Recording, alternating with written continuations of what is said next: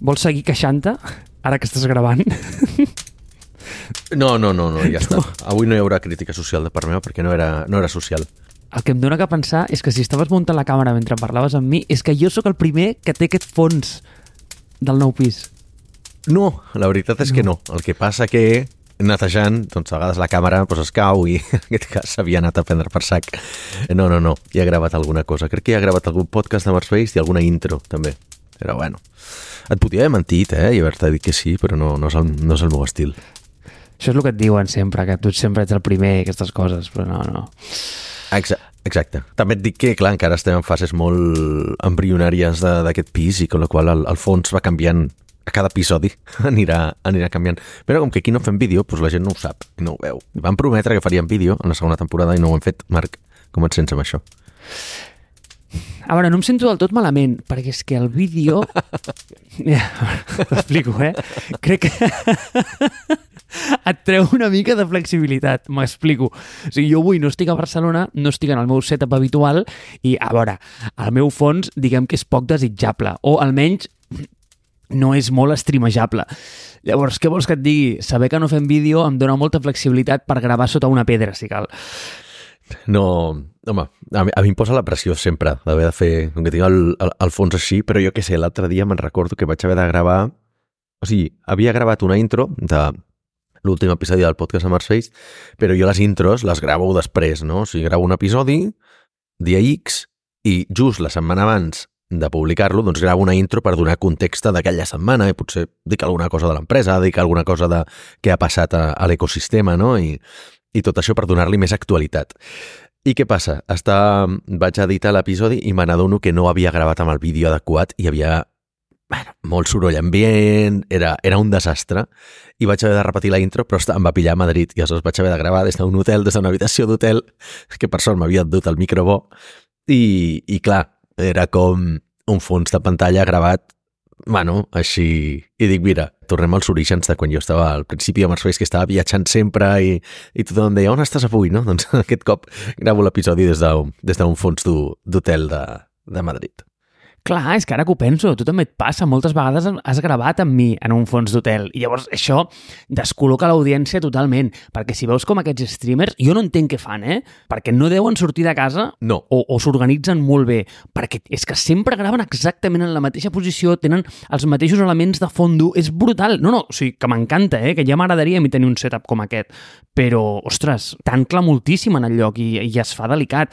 I tu, per exemple, jo sempre miro per darrere teu, tu tens càpex, eh, de, de decoració, tu has deixat pasta, has deixat moll aquí, eh? tinc exactament la mateixa que el, a l'anterior pis, perquè ens ho hem portat tot tal qual, però, però sí, sí, m'he muntat un despatxet bé, home, clar, perquè haver de treballar des de casa has d'invertir en, has d'invertir en estar còmode allà on treballes.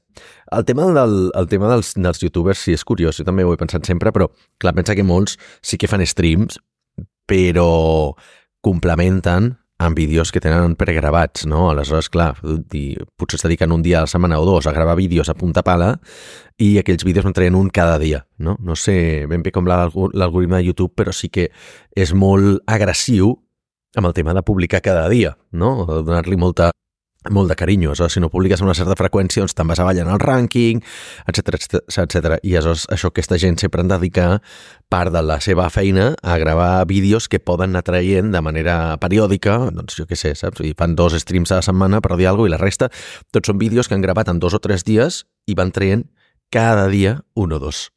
Clar, però mira, què fan aquesta setmana, per exemple, que és pont? Tu, per exemple, pont o no aquesta setmana? No, perquè estic treballant avui, perquè si no, no estaríem gravant. Però no, no, no, no faig pont, no faig pont. Jo tinc molta feina, tio. La setmana que ve és la reunió d'empresa, tenim Startup Grind, vull dir, la setmana que ve és la, la última forta de l'any. Aleshores, una setmana de, de dos dies no m'anava gens bé, aquesta, així que he decidit treballar avui. Estava esperant la mítica resposta de jo no faig pont perquè a mi aquesta Constitució no és la meva o alguna cosa d'aquestes, Àlex. No, no, exacte. Vull dir, generalment el, el dia de la Constitució jo treballo, però bueno, ahir per, per altres motius em vaig veure forçat a, forçat a no treballar, però generalment treballo. El dia de Constitució i aquestes, aquestes merdes de festius que, que jo no celebro, com la hispanitat i, i coses d'aquestes que no van amb mi, jo generalment sóc la persona que treballa sempre. Ara, ara, ara. Però si no, doncs me'l canvio com si fos un festiu. Saps? Ja està. Ben fet. Jo puc obrir un petit parèntesis per aclarar una cosa de l'episodi interior o no? Pots obrir parèntesis perquè encara no hem començat amb el tema de l'episodi, per tant, tot teu. A tu t'han arribat molts comentaris de l'episodi interior? Perquè a mi sí. No, ni un, diria. Jo no em comunico tant amb l'audiència com tu. Tu ets el tio social del podcast, tothom ho sap. És que el fort és que no. És que el fort és que el tio social ets tu. I el que passa és que no sé per què. Jo crec, que, jo crec que els hi faig menys por a la gent. Perquè tu et veuen i et veuen amb aquesta cara de punk, amb la barba i tal. I a veure, jo, jo tu no et parlaria gaire pel carrer. O sigui, em faries por. Però a mi em veuen més dòcil, així, més afeitadet, més, més un nen així Exacte. manso i, i, i em, em parlen, em, em comenten coses. No m'ha dit res. Què t'han dit? Vale, Què t'han dit? a veure, jo ja sabria que rebria alguns míssils aire-terra d'alguns desenvolupadors de, de confiança, però a veure, quan et fiques en un tema tan opinionat com aquest, amb gent que en sap bastant més que tu, ja sabries que reps algun correu, no? Jo, per exemple, me n'esperava dos seguríssims. M'esperava un del, del Carlos, el CTO de Goin, que evidentment, bueno, no em va enviar un correu, però em va enviar un, uns missatgets d'Apple. És, és dels pocs bons, autèntics, genuïns, que no m'escriu per WhatsApp, sinó que m'escriu per, pels missatges d'Apple. Tio, fan d'aquesta gent. I l'altre és el Noel, que tu el coneixes, oi? Sí, bueno, clar, aquest sí que l'he rebut, però clar, perquè l'hem rebut al correu de Foc a Terra, però no, no jo directament. Vale, el Noel és un tio que a mi em dóna la sensació que és un tio que s'ha passat el joc de la vida, però diverses vegades, a més, eh? Vull dir, mm, ha, ha tornat a jugar, inclús. Vull dir, és un, és, un, és un tio que va molt tranquil. Et diria que té com el títol inútil que no serveix absolutament per res i que no és redimible per cap premi d'haver sigut la persona de l'audiència amb qui més vegades he anat a dinar, perquè treballava per allà al costat i anàvem a dinar, i anàvem a dinar sovint. I ens va escriure un correu que jo penso que és la peça de feedback més llarga que mai ningú ens ha escrit, i tu també l'has rebut perquè l'has escrit a Hola, arroba Foc a Terra. No sé si l'has llegit o no, jo ho he fet detingudament i el tinc que contestar tot en el seu temps, però té un punt molt bo al final sobre, i aquí és on volia arribar del feedback de la setmana passada i les coses que no van quedar clares. De les debilitats i fortaleses. O sigui, si a la vida és més òptim millorar les teves debilitats o capitalitzar les teves fortaleses. Mm -hmm. Crec que aquí no, no vam estar com molt... No sé si fins o no vam entrar molt a precisar en aquest punt, però sí que m'agradaria donar-li un matís perquè, home, crec que s'ho mereix. Ja que desgrana tres paràgrafs sencers a explicar-nos com la seva teoria sobre això, anem a explicar-nos la nostra o almenys la meva. Jo fa molt temps que aquí hi penso d'alguna manera i tinc sentiments una mica creuats. Veuràs, hi ha molta gent que s'obsessiona molt en parxejar les seves debilitats, però cada vegada jo tinc més arguments a favor d'oblidar-te d'això i pensar que estàs vivint en un món que únicament valora les teves fortaleses i les debilitats li són absolutament iguals. I et vaig a posar un exemple. Quan jo penso en productes, Sí. Sempre penso com que un producte té tres capes. Està el que jo li dic com les distraccions, coses que no li importen gaire a ningú. Si una tassa de cafè de l'IKEA és de color crema o de color ocre, pues, a veure, és regular. Lo, lo important d'una tassa és que es pugui veure bé, vale? és, un, és un exemple bastant estúpid, però, però fa el meu punt. Després, estan... Bueno, en anglès es diuen els showstoppers, però serien com els coses que, bueno, que poden preveure de, de comprar o no comprar una cosa, no? Pues podria ser un preu, per exemple. Si té un preu molt elevat, pues, evidentment, eh, igual aquella tassa va molt bé per veure, però si té un preu molt elevat no la compraràs. I l'altra, i la més important, jo crec que són com els game changers. O sigui, les coses que et fan únic i que tenen una proposició de valor acollonant, no? Va, anem a ficar un exemple de cotxes. Diguem que volem comprar-nos un Tesla, per dir alguna cosa. M'ho ha fet venir bé, Àlex. O sigui, tio... De tots els cotxes del món, sí. Havíem de parlar d'aquest. Ah, no, no ho dic pel Tesla, ho dic per l'exemple dels cotxes. Però bueno, Tesla també m'agrada. Llavors, el Game Changer, home, doncs és la proposta de valor de que és un cotxe elèctric, centrat únicament en un sol stack de computació i tots els elements del vehicle i totes les seves capacitats intel·ligents veuen de, del, del mateix stack, per tant dona una experiència més unificada, bla, bla, bla, bla. Tot això són els Game Changers, és el, el que tu et fa comprar aquest cotxe. Però llavors et diu, oh, showstopper. Home, doncs que encara no hi han prou punts de recàrrega. Això no és un motiu pel qual no et compraràs el cotxe, però t'ho fa pensar dues vegades, no?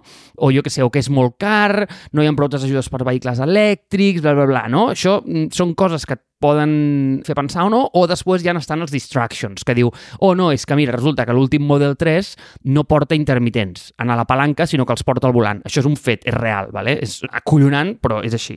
Llavors, això podria ser un distraction, o sigui, és a dir, és una cosa que, a veure, que vull dir, no et farà decantar la balança per un cantó o l'altre, però bueno, igual et toca una mica els ous, saps? O jo que sé, o que imagina't que no el fagin amb groc, perquè tu el vols amb groc, podria ser un distraction. On vaig amb això? Amb això vaig a que tu, com a persona, professional o com qualsevol faceta de la vida, també tens aquests. I llavors, tu imagina't que ets és que, hòstia, Àlex, et pega tan poc. Imagina't que ets un graduat de, de dret, d'acord? I pues, vas a fer una entrevista per KPMG. Aquest exemple sí que m'agrada perquè és que m'agradaria veure't fent una entrevista a KPMG recent graduat de la uni, m'encantaria. Pues llavors, allà, com que no tens qualitats que hagis pogut desenvolupar gaire, tu només tens showstoppers. I quin és el showstopper d'un recent graduat que va entrevistar-se a KPMG? 1. Que sigui d'una bona família de Barcelona, que vingui d'una universitat privada, que vagi ben net, porti corbata i que no faci pudor, bàsicament. Això si fa això, més o menys jo crec que està ok per fitxar-lo, no?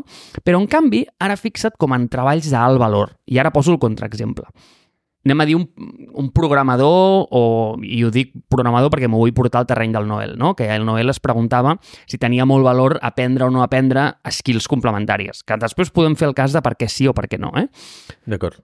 Però en allà, els showstoppers és com que no tenen tant de pes perquè quan estàs buscant un perfil tan únic o de més valor, els game changers són més importants. Exemple, si tu ets un programador de la hòstia, segurament l'equip et permetrà que et vagis sense dutxar a l'entrevista. Llavors, segurament ho corregiran després. Però igual té molt més valor que capitalitzis sobre les teves fortaleses que no pas que parxegis les teves debilitats o les coses que no et fan tan únic en aquella posició. I aquest és el cas que donc per capitalitzar les fortaleses, però com sempre jo tinc opinions per a tot i també tinc l'altre, eh? Però ara, Àlex, si vols, digue-ho en temps real, vull dir, m'has enviat un missatge i m'has dit, xato, del que veníem aquí i al final no, val? perquè veníem a una altra cosa, i em dit, escolta, això em sembla interessant, podem fer l'episodi d'això. Llavors, si vols fer l'episodi d'això, em sembla bé també, eh? i crec que el Noel s'ho mereix, perquè, hòstia, després del mail que ens ha enviat, li podem dedicar un episodi, eh? Estic bastant d'acord en línies generals, o sigui, però al final aquí, aquí hi ha una, una consideració també a nivell, de, a nivell històric. És a dir, per què hem agafat l'exemple del programador i hem agafat l'exemple de l'advocat, no? la persona que estudia dret. El programador, avui en dia sí, perquè té la paella pel mànec. Fa 20, 25 anys, 30, era un commodity. Val? I aleshores el programador era l'últim mico de l'escala evolutiva i, i fins i tot quan tu i jo vam començar a treballar ja era una mica així, encara. Vull dir, jo quan vaig començar de programador a Deloitte, vull dir, zero consideracions, i havies d'anar... Eh, tu te'n rius de KPMG, però jo vaig anar tratge i corbata a, a Deloitte, que a més els havia comprat a l'Humana, vull dir, perquè amb la merda de sou que pagaven, eh, jo no sé com esperaven que la gent anés de tratge i corbata. Segurament, doncs, fills de papà, però bàsicament la gent que veníem del Clot no, no podien permetre transportar un tratge diferent cada... tratge camisa i corbata diferent cada dia, no? Anècdotes a part, aleshores eh, es buscava això, no? La persona que tenia la carrera, que tenia cabells curts, de fet a mi... Jo no és que tingués el cabell llarg, però sí que tenia una miqueta de serrell i tot això, m'han dit que estava al límit de com el podia portar. La gent havia d'anar afaitada, que no podien anar amb barba, evidentment, i ja no parlem de piercings i tatuatges, no? Això ha canviat molt. Per què? Perquè aleshores el, el, el developer era el commodity, o sigui, no havia aportat tant de valor, o almenys no es considerava com que havia aportat tant de valor a una empresa com per poder-li permetre tot aquest tipus de coses, i l'empresa tenia les de guanyar i, per tant, dictava què es podia, què no es podia fer, com s'havia de parlar, com s'havia de comportar i, i tot aquest tipus de coses, no? Eh, evidentment, sent el punqui que sóc, no vaig durar molt de temps allà, vull dir, no vaig durar dos anys, perquè vaig trencar moltes d'aquestes convencions, però sí que és veritat que ho he vist amb altres empreses, l'empresa on he anat després, empreses amb les que he col·laborat, etc etc, que amb els anys s'ha anat perdent això. Per què? Perquè de cop i volta el mercat ha dit ei, xatos, que aquí ara ja no sou quatre empreses que doneu feina i per tant aneu molt buscades i hi ha molta més gent sense feina que gent amb feina i per tant teniu el poder de negociació. No, de cop i volta van començar a sortir startups que van fer que el, diguem, les accions de l'empresa tecnològica baixessin moltíssim i pugessin moltíssim les del talent. I aleshores, de cop i volta, tu ara entres a una oficina de Deloitte i veus gent amb pantalons curts, amb tatuatges, amb, amb barba, amb samarretes friquis, no sé què. Per què? Perquè si no, no fitxen. S'han hagut de menjar totes aquestes paraules i totes aquestes conviccions i protocols amb patates, no, ells diuen, no, és que ens hem adaptat als temps, i clar, sabem que som una empresa... O sigui, tot aquest bullshit, o sigui, és com la pila de merda més alta que hagis vist mai. O sigui, és més alta que el Burj Khalifa, val? En realitat ho han fet perquè no podien fitxar, perquè s'adonaven que la gent ja no hi anava. O sigui, quan no sé quan tu vas sortir de carrera, però segurament seria el mateix any que jo, eh, aproximadament, ens deien que, si, bueno, clar, tu no vas estudiar informàtica, però quan estàs en informàtica et deien, no, és que tu has d'anar a consultoria, fer cinc anys de consultoria tradicional perquè així et forges, no? I després, com tothom, doncs has de buscar i anar cap a client final. Val? No vagis a empreses d'internet, val? o sigui que no es deien startups, eren, eren empreses d'internet i que aleshores eren les 4 o 5 que hi havia, que devien ser Infojobs, Softonic i coses aquestes que havien nascut purament en l'era digital i et deien no, perquè clar, no són estables, fan putades, a vegades no et paguen, vull dir, són... I t'ho pintaven com que eren, com que eren els yonquis, o sigui, com, que anessis, com si anessis a treballar a, en un narcopís del Raval, saps? Però, potser, segurament res més lluny de la realitat, eh? però és que t'ho pintaven fatal. I clar, tu havies d'anar a la seguretat, que era, doncs això, era o banca o consultora o assegurances, no? Què vull dir amb això? Que sí, més o menys se li ha permès això al, al desenvolupador, però mm, ara perquè s'ha obert més l'aixeta. El que sí que havia vist és que en el seu moment l'únic que se li permetia, permetia això a dins de, de l'escala tècnica era com l'arquitecte. Tu anaves a qualsevol empresa i veies tots els informàtics sota el, el, el fuet de, del jefe i tots eren igualets no? i s'havien de comportar d'aquella manera i l'únic que vestia de friki, o bueno, potser no de friki, però és veritat que eren molt més laxes amb la seva, amb la seva manera de, de comportar-se, parlar i no sé què, era l'arquitecte, perquè era qui tenia els, agafat els collons de l'empresa, ell tenia les claus de tot, podia tirar l'empresa si, si, si volia, i és una persona que pues, no anava amb traje, però bueno, sí, anava amb camisa, però bueno, saps, ja potser igualment ja va amb camisa, saps? Vull dir, eh, i mm, no feia servir, eh, però cabells llargs, o sigui, els convenis s'anaven a prendre per sac amb aquesta persona. Això el que demostra és que allà on hi ha un procés sempre hi ha excepcions. Val? Moltes vegades he parlat del tema de, de les homologacions per grans empreses o qualsevol, mira, inclús a, la, a les carreres, al, al pla de carrera de les empreses més, més tradicionals, més corporate, no? que tenen un pla de carrera i si fas això, doncs cada any hi ha una avaluació anual. Hom sap que on hi ha un pla de carrera hi ha un fast track on hi ha un pla d'homologació, hi ha un fast track, no? Doncs exactament el mateix aquí. Si tu fas regles, sempre hi haurà excepcions. Per tant, eh, què ha passat? Que ara, la o sigui, el, diguem, la, en les empreses tècniques, el desenvolupador ha passat a ser el qui té el poder de negociació i l'empresa està de commodity, perquè ah, diuen, hòstia, vale, que tu ets travel per i em dones 60 per haver treballat 3 anys en, com a desenvolupador, jo vull ser tècnic, no m'ho dones? Bueno, tranquil, vaig a mirar pues, a Typeform, vaig a mirar, a, què sé, totes aquestes altres empreses que han aixecat pasta a Barcelona, diuen, si no m'ho dones tu, m'ho donarà algú altre. Per tant, la baixada de pantalons en aquest sentit la feia l'empresa. No sé si amb això responc la teva pregunta. Jo crec que amb això respons bastant bé la meva pregunta. Parcialment, perquè hi ha el tema de les fortaleses i el tema de les debilitats, però bueno, després ja, ja he deixat anar força, força xapa. Sí, sobre aquest punt és veritat. Jo, jo és cert que no, no vaig estudiar informàtica, jo vaig estudiar enginyeria industrial, però els sospitosos habituals de les fires de empleo, com es diu en català? De feina o... Feina, sí. ocupació. D'ocupació, d'ocupació, m'agrada eren tres, eh? vull dir, eren banca, consultoria i en el meu cas era sector de l'automòbil, era molt típica també, o sigui, t'anaves a treballar a SEAT, però no hi ha molta diferència entre treballar a SEAT i ser un funcionari i potser acabo de fer molts amics amb aquesta frase, però realment és bastant cert, eh? vull dir, perquè quan tens un sindicat tan bèstia, crec que estàs ultra protegit. No sé, això dels sindicats és una cosa que jo mai he viscut, però hom diu que és, és un tema polèmic, eh? vull dir, és un tema delicat. O sigui, jo mai he estat en una empresa que hi hagués un sindicat no sé si canvia alguna o no canvia alguna Depèn, no he estat en una empresa suficientment organitzada perquè en tingués. Jo quan vaig estar a Deloitte, a la gent li sudava, mm, mira, i diria la polla perquè realment hi havia molt poca, molt poca diversitat de gènere, no? Però era poca aquesta expressió, en el sentit que el desenvolupador és una persona una persona tècnica històricament ha estat una persona de mirar molt per si mateix, molt poc sociable i molt poc col·laboracionista més enllà de l'open source, si tu vols, no? Però el de consultoria tradicional, no, open source, o sigui, el desenvolupador de consultoria tradicional és el funcionari de la informàtica, bàsicament.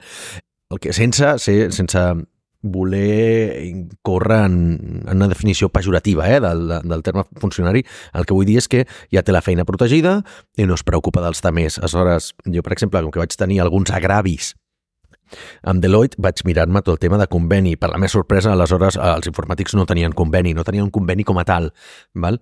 I aleshores l'empresa forçava la gent a fer guàrdies, a fer torns, bueno, a fer hores extra i tot això, però clar, com que no tenies conveni, doncs tot això no estava definit. Llavors vaig voler impulsar jo el tema de, de fer un conveni i a la gent li va... Bueno, o sigui, van, van, van suar autènticament del tema. Per què? Perquè és com, bah, jo no em vull ficar en aquestes coses, mogudes sindicals, no, saps? Vull dir, ja ho faig perquè mira... Era com que els hi feia mandra. I va passar el mateix a la meva, a la meva següent empresa, no? Que també hi havia alguns temes de potser no tant per temes d'hores, però sí pel tipus de, el tipus de compensació. Per exemple, també era una empresa que era molt bona en certes coses, però era molt rància quan havies de fer accions fora de la ciutat, no? desplaçaments. Val? Aleshores, jo que sé, t'enviaven a fer una acció al, a un client a Sant Cugat, però tu t'havies de pagar el desplaçament. O sigui, si tu no et posaves ferm, val? i em vaig posar ferm i vaig dir, a mi si no em pagueu el desplaçament, jo no vaig. Val? Però la majoria de gent no ho feia, això. Per què? Perquè deien, ostres, que clar, si no, doncs a la meva, a la meva, a, a la meva revisió anual, doncs em diran que no sé què i no sé quantos. Dic, tio, t'estàs pagant tu el taxi per anar a Sant Cugat a fer una cosa per l'empresa, fora d'hores. I l'empresa, com a molt, et compensava deixant entrar més tard el dia següent, perquè no els hi costava ni un duro, però és que no et pagaven ni el sopar. I me'n recordo un dia algú va aconseguir que ens donessin 3 euros per sopar, tio. 3 euros, saps? És que s'ha de ser un autèntic fill de puta parèntesi a part, eh? Hòstia, què vull dir amb això? Pues que en les dues empreses jo vaig mirar tot aquest tema, vaig intentar impulsar-ho i zero, zero col·laboració, eh? De la resta de gent. Per tant, entenc que una empresa que ja potser té més capacitat organitzativa, això està molt més, molt més treballat. També et diré que potser depèn també del tipus de feina que fas i de les condicions i com t'ha arribat a explotar. Vull dir, els sindicats no surten perquè sí, els sindicats surten per def defensar els interessos i, la, i, les, i les condicions laborals del treballador perquè l'empresa generalment no mira per, per, la, la, la, diguem, per la compensació i la, i la manera de treballar dels, dels treballadors, no? O sigui, són molt poques empreses les que ho fem i, i generalment les empreses que ho fem és on, on no hi ha sindicats, no? Em sembla que també per ser un cert tamany d'empresa doncs ja l'has de tenir per llei, no sé què, aquest tipus d'històries, no?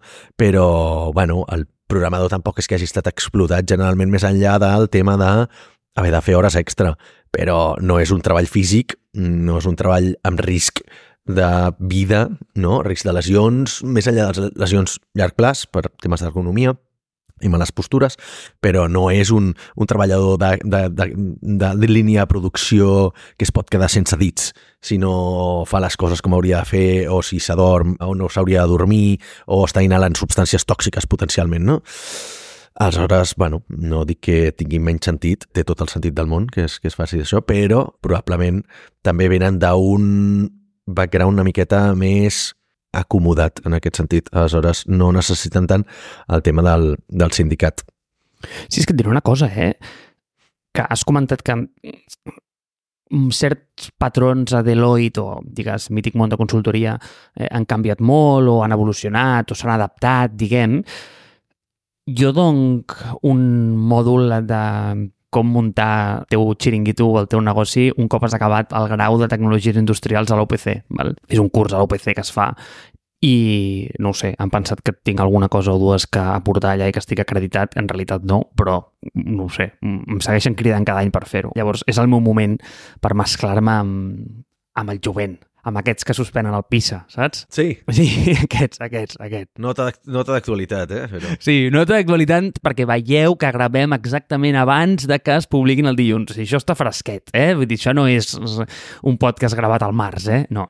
Doncs pues, jo sempre faig allà com la meva enquesta ha dit, de dir, bueno, nois, què voleu fer quan sigueu grans?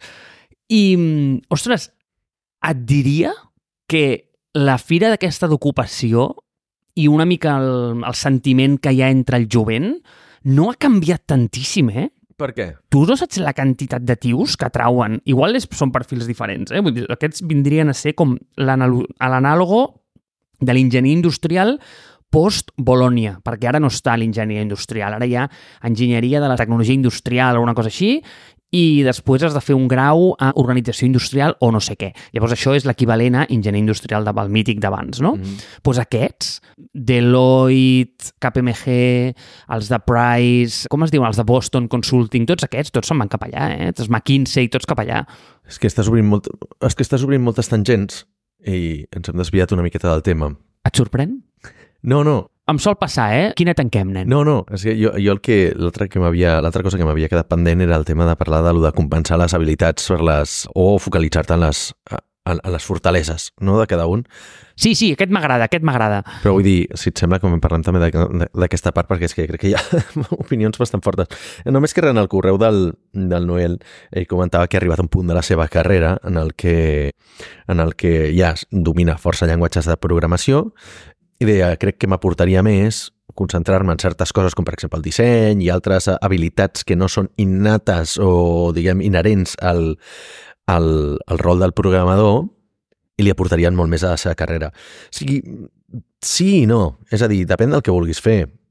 Perquè depèn del tipus de projectes en els que treballis i depèn de cap a on vulguis anar. Si tu vols convertir-te en un indie developer, no? d'aquests que, que s'ho fan tots, una miqueta Juan Palomo, doncs sí, evidentment, si ja domines tres o quatre llenguatges de programació, doncs agafa el que més t'agrada, et fas tots els teus projectes amb això i si no vols haver-te d'associar amb altra gent, haver de dependre, no? tenir aquesta dependència d'un dissenyador, un tio que et faci DevOps, un altre que et faci el màrqueting, no sé què, doncs fes-tu tu mateix. No? Què passa? Que generalment, com que ja has après tantes coses a la vida, a aprendre amb el 20% de l'esforç, obtenir el 80% de resultats, és molt fàcil. Aleshores, doncs, bàsic marketing, bàsic landing pages, bàsic xarxes socials, bàsic comunicació, etc etc, té relativament senzill d'adquirir i, per tant, et complementa, et fa donar un salt quàntic a nivell de qualitat com a, com a, com a entitat productiva que ets, no? Però això és perquè tu probablement vols treballar en projectes, eh, els teus projectes, vols fer coses de comunitat, vols fer coses d'open source, etc etc. Però si vols moure't, per exemple, en els KPMGs, els Bostons i tot, tots aquests que estaves comentant tu, Marc, i vols moure't en l'escala de progressió d'aquestes empreses, doncs has de veure què és el que valoren, no? I generalment aquestes empreses doncs, solen tirar més per a, a empantar-te cap amunt en la capa de gestió, val? Aleshores, doncs aprendre gestió és el que et farà millorar molt en aquest tipus d'empreses. Això i aguantar els anys de, de, de, de trinxar persones que fan, no? Però vull dir, tu, si tu generalment per seniority ja et fan pujar en l'escala de, de gestió perquè generalment amb un 30-45% de rotació anual doncs es queden sense gent que li vinguin ganes de passar 10 anys en aquesta empresa. Són molt pocs i generalment són els que acaben arribant socis i gerents, no?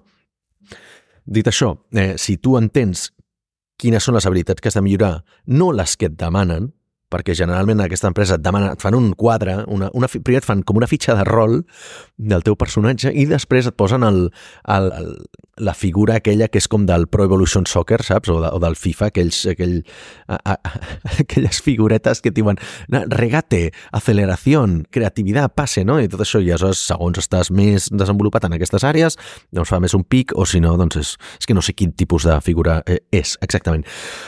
Què vull dir? Que te'n demanen moltes, però al final del dia se'n valoren molt poques, val? perquè me'n recordo que, doncs no sé, abans teníem com 10 àrees de millora, però en valoraven dos o tres. Una era el sentit de pertanyència a l'empresa, és a dir, fes hores i no diguis que no als jefes, val? i menja merda i llepa molts culs, i la part de gestió. Val? Per què? Pues perquè generalment la gent marxava abans de que arribessin a ser manager i si tu tenies un mínim d'habilitats comunicatives i de gestió, doncs com em va passar a mi, doncs vaig progressar molt ràpid en, en aquesta part, no? Però em demanaven moltes altres coses que jo, per exemple, no complia, però els va ser igual, perquè realment el que necessitaven era gent en gestió, saps?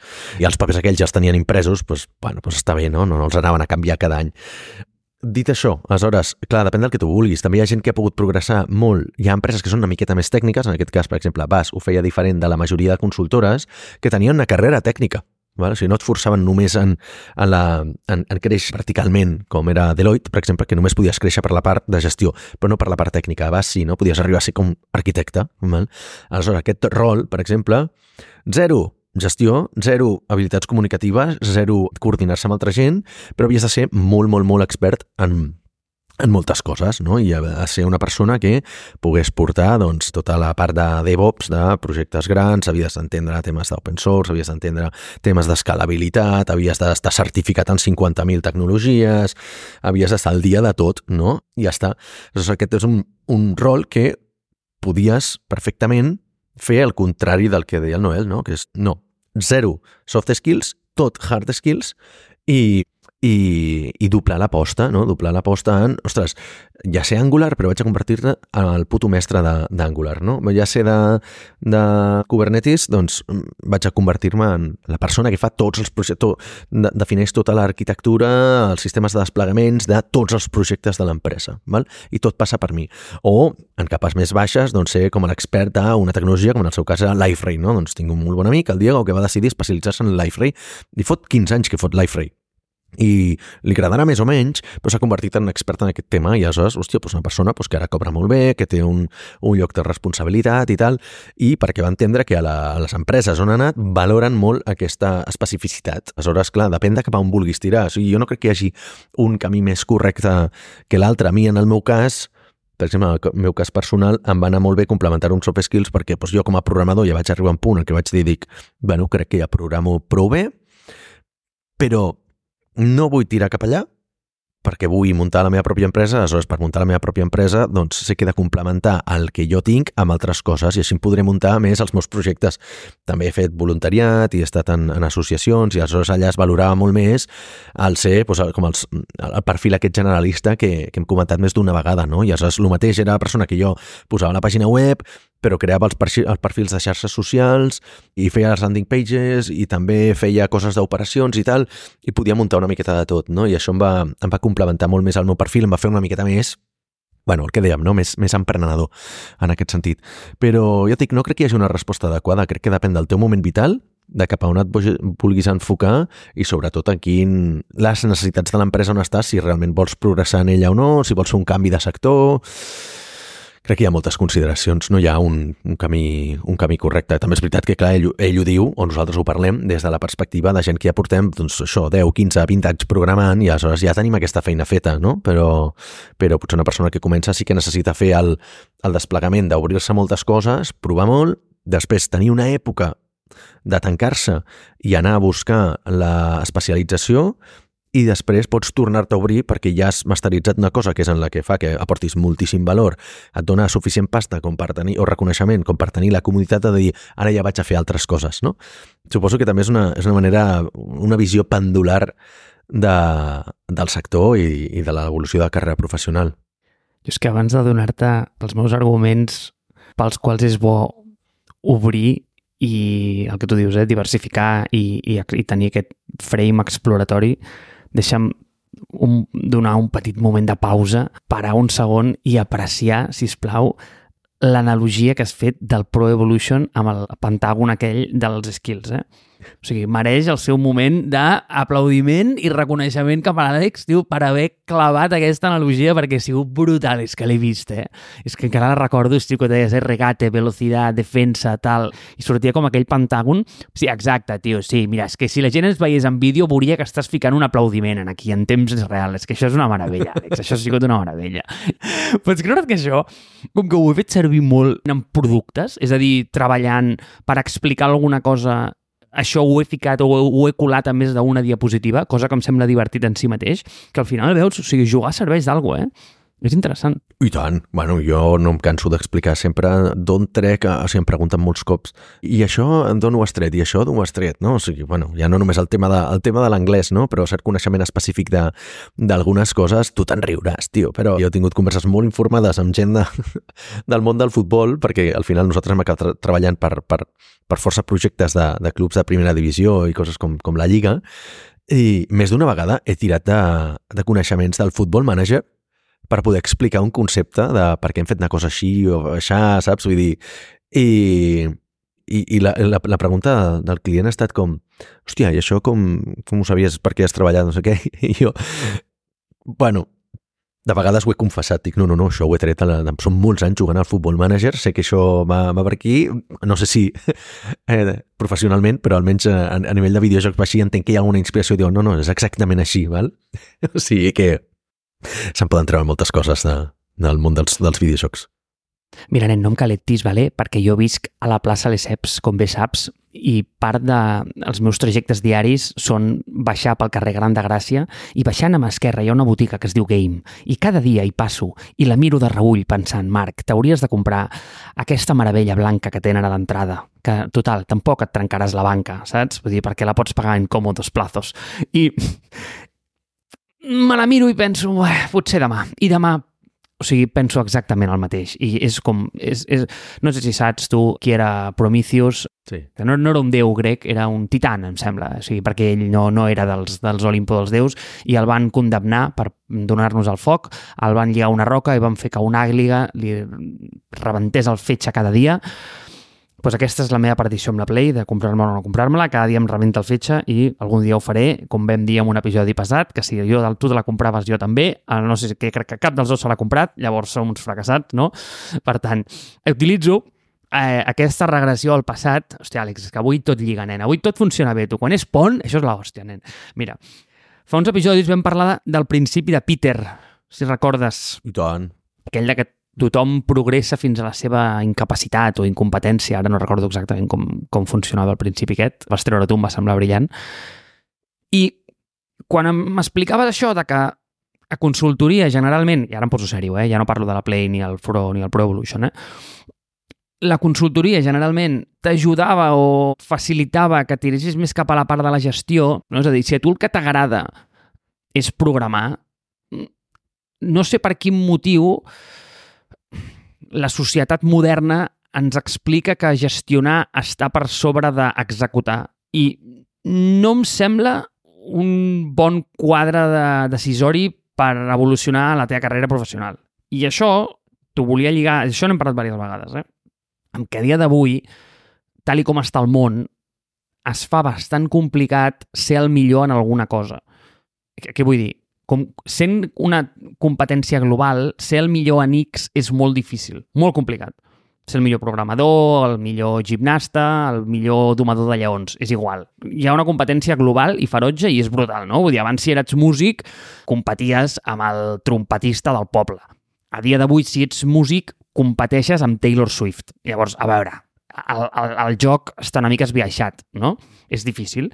Què és recomanable o què feien per protegir-te en aquest escenari? Jo penso que el, que és interessant és no intentar ser el millor en alguna cosa, però crear-te tu el teu propi joc. No? Una de les bones coses que té que sigui una competició global també significa que pots jugar al joc que et surti de les pilotes. Per tant, si anem a dir que l'Àlex toca bé la guitarra, és bon programador i a sobre és un paio que sap anglès i sap vendre una mica, doncs home, igual tens un perfil bastant únic per crear un producte per mànagers de músics. Jo què sé, m'ho acabo d'inventar, eh? O sigui, és la mítica merda, el mític exemple que m'ha sortit. Però sembla que hi ha espai per buscar-te com les teves pròpies guerres. I això crec que és algo valiós perquè ja no t'has de ficar en els sacs on es baralla tothom per aconseguir una feina o per trobar una oportunitat, sinó que tu, veient el que t'agrada, pots més o menys posicionar-te allà on creus que pots aportar molt, no? I mira, exemple personal, no? Pues, si jo sé programar una mica, soc un tio endreçadot i, escolta, tinc una mica de gust per segons quines coses, home, pues el rol aquest de producte en una companyia molt inicial, és a dir, no em posis a Deloitte perquè em faran fora el dia 3, doncs em encaixa bastant. I si fixes que he fet tota la vida, doncs ha sigut això, no? posicionar-me una mica en aquests llocs. Llavors, no és un tema de zona de confort, jo penso que és un tema de veure on tu aportes i fer créixer les teves habilitats o els teus skills en base en aquesta parcel·leta on tu sembla que pots dominar més o menys. És a dir, si tu busques una persona que sàpiga molt de producte, tio, n'hi ha milions picant a la porta que en saben més que jo. Però si aquí comences a afegir coses que tu saps i et vas creant la teva guerra, home, doncs un tio que sàpiga producte i sàpiga molt de cotxes, bueno, aquí ja n'hi ha menys. Sàpiga molt i sàpiga programar una mica, bueno, aquí n'hi ha menys. I llavors, si comences a afegir, afegir, tio, et dones compte que hi ha una parcel·leta en el món on tu ets a l'unicorni, no? I clar, el problema és que, tio, igual en aquella parcel·la doncs no hi ha un puto negoci de res, no? I és una merda de parcel·la, i és possible, pot ser, llavors igual pivota una mica, no? Però és aquesta idea de que no el mercat et defineix a tu, sinó que a tu, o sigui, les teves habilitats et creen una mica el teu mercat, que a dia d'avui som infinits, igual que la competència. S'ha entès la idea? Sí. Vamos. I, i a, mi, a mi em ve al cas, el, em ve al cap el, el cas de, de certs youtubers que, per exemple, són, són gent que, o per bé, potser no han tingut mai el seu... Mira, jo et segueixo un parell que són molt bons a nivell de música, val? però no són gent que tinguessin un grup de música i s'han fet famosos, sinó que al contrari, s'han fet famosos pels seus vídeos, per fer, jo què sé, tutorials, o fer, ens, ensenyar-te a fer algun tipus de cosa, analitzar cançons, com el cas del Soundtrack, per exemple, o, o aquests el que fa metal covers de qualsevol cosa, el Leo, crec que es diu Leo Moratoli, hi ha gent com que, o Anthony Vincent, que, fa, que feia les cançons en 10 estils, no? O sigui, agafava una cançó, deia, hòstia, Com es diu de Nirvana, i eh, ell cantava en 10 estils diferents, o sigui, l'adaptava i feia doncs, un trosset com si l'hagués fet David Bowie, un trosset com si l'hagués fet eh, John Lennon, un trosset com si l'haguessin fet el Jackson 5, saps? I el Com es You Are, eh, i són molt bons aquests vídeos, són boníssims. I aquest, aquesta gent generalment acaben després tenint un grup de música i alguns d'aquests ara fan gires, val? El Kifnes, que és un que fa vídeos generalment el feia al principi amb, amb sorolls d'animals, val? i feia com cançons a partir de sorolls animals, doncs ara està, està a gira per Europa, val? és un tio de Sud-àfrica. Soundtrack em consta que té un grup de música, però no sé si abans n'havia tingut, val? sí que és un tio que haurà estudiat música, ha estat 10 anys o així fent anàlisis de cançons i, i home, és un tio pues, que toca molt bé, que canta relativament bé, que coneix molt de música, doncs al final s'ha muntat un grup de música, no? Han agafat una ruta no convencional per acabar fent el que feia la gent tradicional. Però per què? Perquè l'evolució del món de la música ha canviat i ara hi ha una eina que se'n diu YouTube, difusió mediàtica, xarxes socials que no existien i abans un músic generalment, diguem, es forjava fent doncs, el seu grup de garatge, començant tocant als bars més petits i allò doncs, vas fent connexions i ara vas a fer una prova en un altre grup i fas de taloner per aquest grup, aquest grup et convida a fer una gira amb ells i potser et dones a, a conèixer. I aquesta gent a part, ha agafat una altra ruta, diu, mira, jo no faré tota aquesta feina, però jo faré una altra feina, que és la a mi m'agrada doncs, el tema de YouTube, per A o per B, doncs vaig fent vídeos, funcionen, vaig, vaig fent créixer la meva, la meva xarxa i aquí tinc una mena de, una altra validació, que és la validació social, de poder dir, mira, escolta, jo és que sóc un, una persona que fa música per YouTube i tinc dos milions de seguidors. Aleshores, tu, amb aquestes credencials, és veritat que pots anar segurament a qualsevol grup de música o et venen a tu i et diuen escolta, que hem vist que tens aquest, aquest reach, no? I no només saps tocar, sinó que, que ens pots donar una difusió a nivell de grup o si creem alguna cosa junts, doncs podem sumar forces i han aportat un altre credencial que abans no existia. Ah, un exemple potser que a mi em toca de més a prop, és a dir, jo podia haver fet el mateix en el món de consultoria. Hi ha dues maneres d'acabar sent mànager en el món de consultoria. Un és, o soci, no? que és el de fots la carrera tradicional, menges merda durant 20 anys, val? passes per totes les capes i has de fer més hores que un rellotge i dir si buana a tothom i, i acabar, acabar la llengua en carn viva de tant llapaculs i arriba un punt en què doncs, ja has, has estat infrapagat, infravalorat i tot, però simplement per, per estar 20 anys allà i home, també algun tipus de qualitat també, doncs acabes promocionant a soci perquè no hi ha ningú que vulgui aguantar aquestes, aquestes condicions, no? però la poca gent que arriba doncs acaba sent soci de d'Accenture o de EY o de Price, no? I una altra és la de, doncs, tu crees la teva pròpia empresa, l'acabes venent a una consultora perquè això es fa molt, no? I de cop i volta, doncs, ets soci de la consultora, saps? Si, si tens un tamany suficient, val? o sigui, jo no sé si ara vengués Mars Based a Deloitte, passaria a ser soci, segur que passaria a ser gerent, perquè conec de gent que ha venut l'empresa a Deloitte i amb un tamany similar al nostre, i van entrar directament com a gerent, que, bueno, és un pas immediatament anterior a ser soci, i, bueno, has d'estar, doncs, un parell d'anys, o tres o quatre, o el que sigui, i acabes, acabes sent soci si tu vols, no? Però ja no n'has de fer 20. Doncs segurament si cotes de l'empresa amb 20 persones li vengués amb 50 o amb 100, doncs segurament entraria directament a ser soci, no? Aleshores, és el que dic, que hi ha, sempre hi ha diverses maneres d'arribar al mateix lloc, depèn de quines són les teves capacitats i de si vols realment invertir, o si pots, també en explorar camins alternatius al, a l'establert. És una cosa que he pensat moltes vegades, eh? El què passaria si fos absorbit per un grup gran i em posessin una feina d'aquestes de corporativa, és a dir, que em donguessin la targeta aquella per entrar per la porta i aquestes coses, saps? O sigui, Jo crec que m'agafaria una depressió de cavall històrica, eh?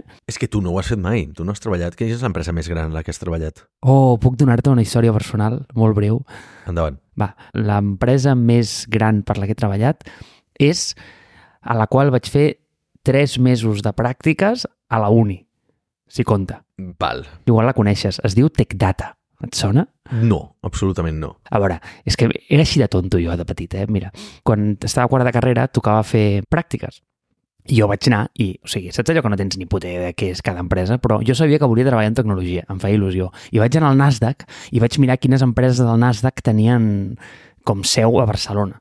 I vaig dir, anem a mirar i va, van aparèixer totes i vaig enviar un currículum a totes les que apareixien. I la primera que em va contestar va ser TechData i llavors aquesta va ser la que vaig anar a treballar. Però no res de tecnologia, és una puta merda de companyia. Amb tots els respectes, vale? per a gent que treballa a TechData però eh, no feia res tecnològic. Simplement és com una distribuïdora electrònica.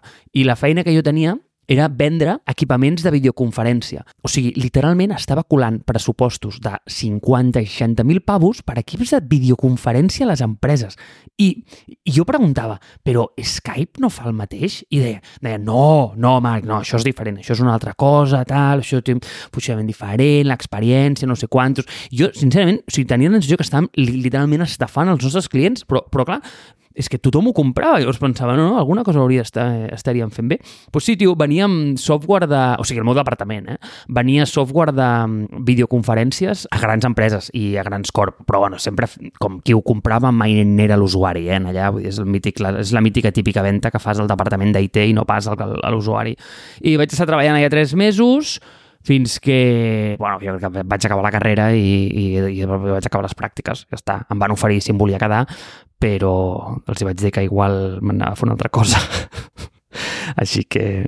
Tio, quin, però quin putíssim fàstic de pàgina web que té TechData, tio. Sembla que s'hagin quedat al 1995, bueno, si m'apures, al 2003, com a pàgina web, és horrible, tio. O sigui, és que està molt mal feta. O sigui, sembla, sembla un template barato de, de WordPress, eh? Jo, quan vaig marxar d'allà, tio, els hi vaig trencar el cor i es va quedar tot allà. Es va quedar així. Es va quedar per sempre així. Sí, sí, no m'estranyaria, eh? però clar, però d'altra banda és una empresa que està al Fortune 500, perquè posa aquí, saps, el, el número 83 està al Nasdaq. O sigui, no és una empresa petita. No, no, no, no, no, que és un bitxo de l'hòstia. El que passa, no, no, i tenien unes office del flipar. Ja, eh. Tio, que em van donar esta, la, la targeta aquesta per entrar en el d'això. Jo em sentia com content, no? Anava, me, anava al metro amb la targeta i pensava, mira, sóc algú en el món corporatiu, no? I és el que tu dius, totalment sota el radar, no diries mai què collons fa, bàsicament és, és una distribuïdora de, de material electrònic, eh? per, per un supplier, per empreses.